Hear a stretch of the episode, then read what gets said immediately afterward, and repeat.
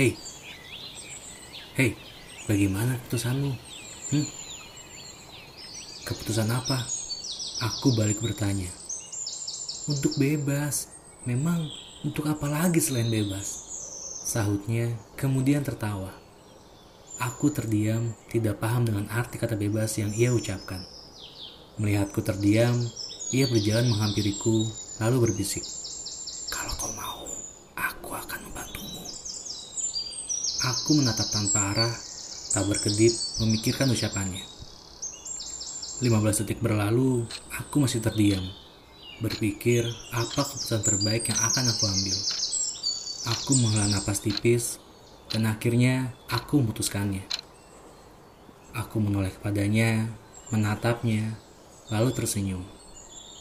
Untuk sekarang, sepertinya aku akan tetap di sini, sebab ini adalah tempat terbaikku. Karena di sini, aku bisa berbuat apa pun itu sesuka hatiku. Aku menjawabnya dengan tegas.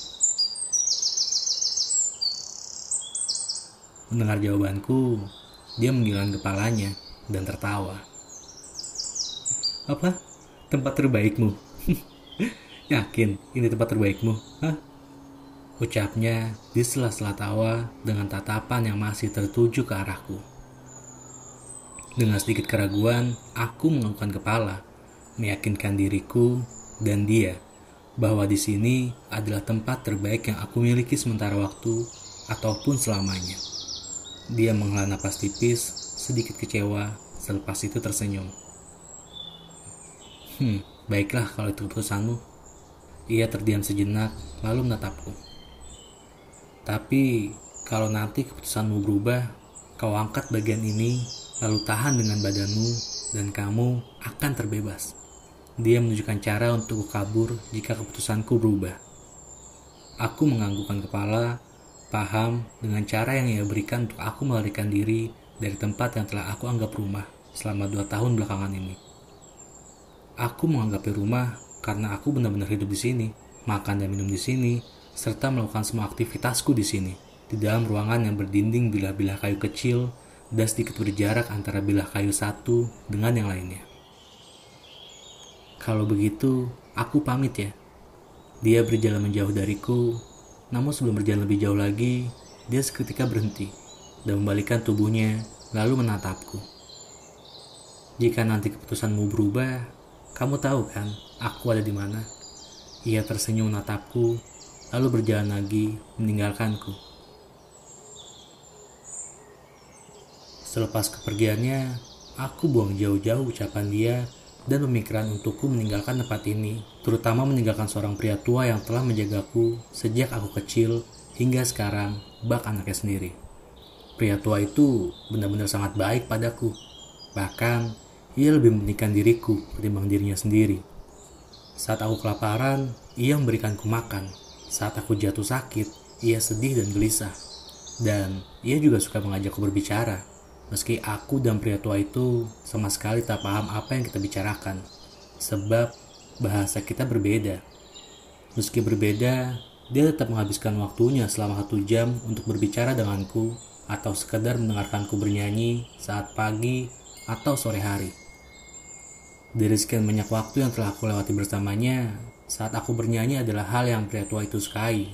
Bahkan, pria tua itu memajukan bibirnya, mengeluarkan suara yang cukup aneh tapi senada dengan nyanyianku yang sebenarnya aku tidak bernyanyi, melainkan aku sudah memberitahu kawananku bahwa ini adalah tempatku.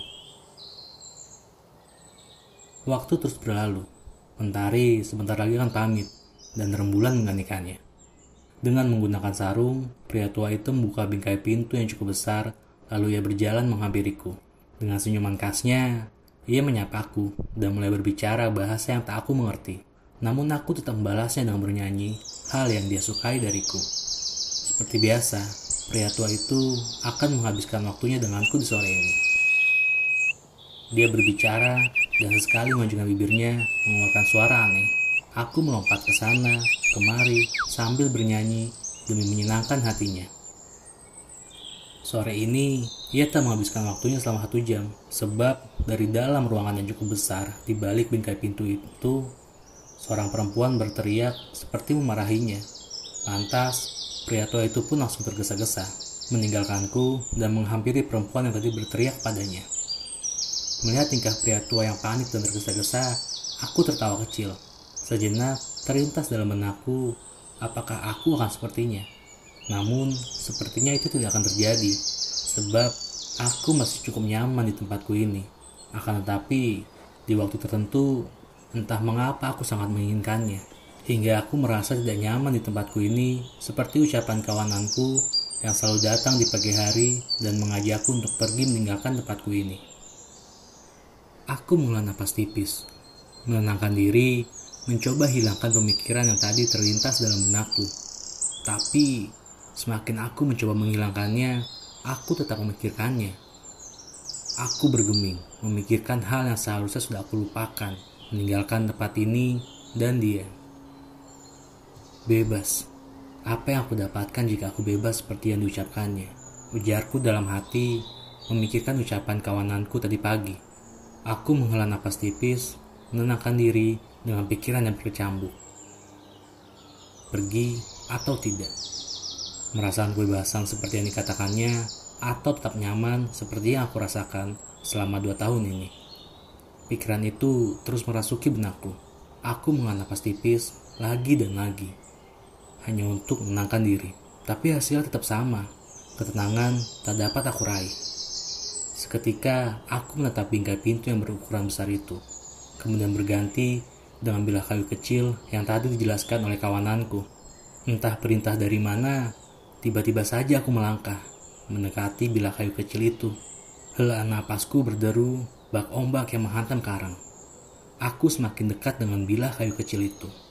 Aku menatapnya, menghela napas, memejamkan mata, lalu membukanya.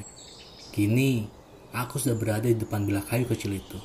Kau angkat bagian ini, lalu tahan dengan badanmu, dan kamu akan terbebas. Ujarku dalam hati menirukan ucapan kawananku tadi.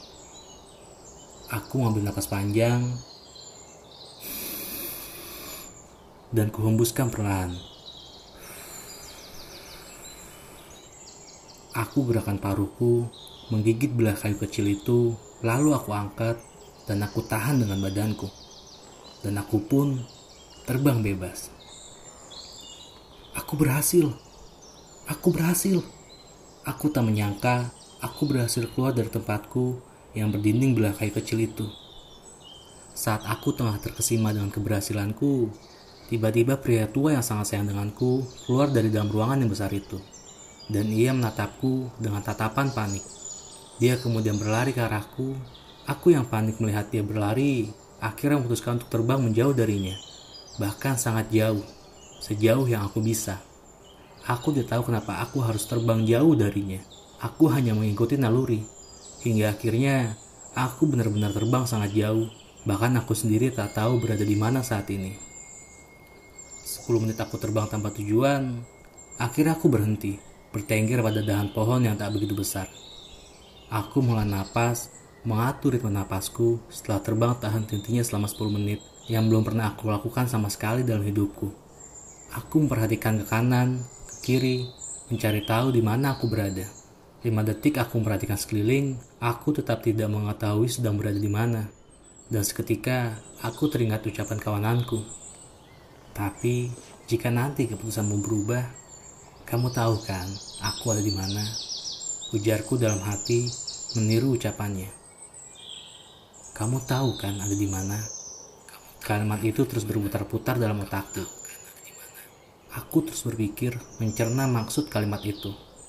Namun, Berulang kali aku memikirkannya, aku tetap tidak bisa mengerti apa maksud kalimat itu, terutama posisi kawananku. Saat aku sedang memikirkan itu, tiba-tiba saja aku merasakan embusan angin dengan sangat cepat menembus tubuhku. Embusan angin itu membuatku sulit bernapas. Bahkan, mataku ingin sekali terpejam meski aku tidak mengantuk. Seketika tubuhku lemas, aku tak bisa mengontrolnya dan aku pun terjun bebas dari dahan pohon. Saat aku terjun bebas, aku mengingat semua momen-momen indah bersama pria tua. Sesaat aku berpikir betapa menyesalnya aku mengangkat belah kayu kecil itu, lalu menahannya dengan tubuhku dan terbang pergi meninggalkan pria tua yang sangat sayang sekali denganku. Apakah ini yang dimaksud bebas dan merdeka? Seperti ucapan kawananku. Bebas, merdeka, dan merasakan embusan angin yang sangat cepat. Nah, begitu dong tembakannya. Tepat sasaran. Langsung jatuh kan dia.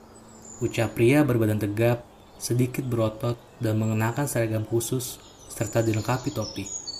Siap, saut pria yang baru saja menembak. Tapi dia langsung mati. Tidak apa-apa kan? Halah, gak apa-apa. Itu malah bagus. Ucap pria yang mengenakan seragam khusus serta dilengkapi topi. Pokoknya, kalian semua harus ingat. Kalau ada yang menghina dan mengecehkan pimpinan kita, walau hanya bercanda, kita harus tangkap dan beri mereka pelajaran seperti burung itu. Siap.